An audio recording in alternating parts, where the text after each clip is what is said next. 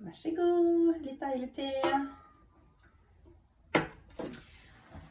Nå er det jo 17. mai, Marianne, og vi har laget en fin episode hvor vi deler gode tips.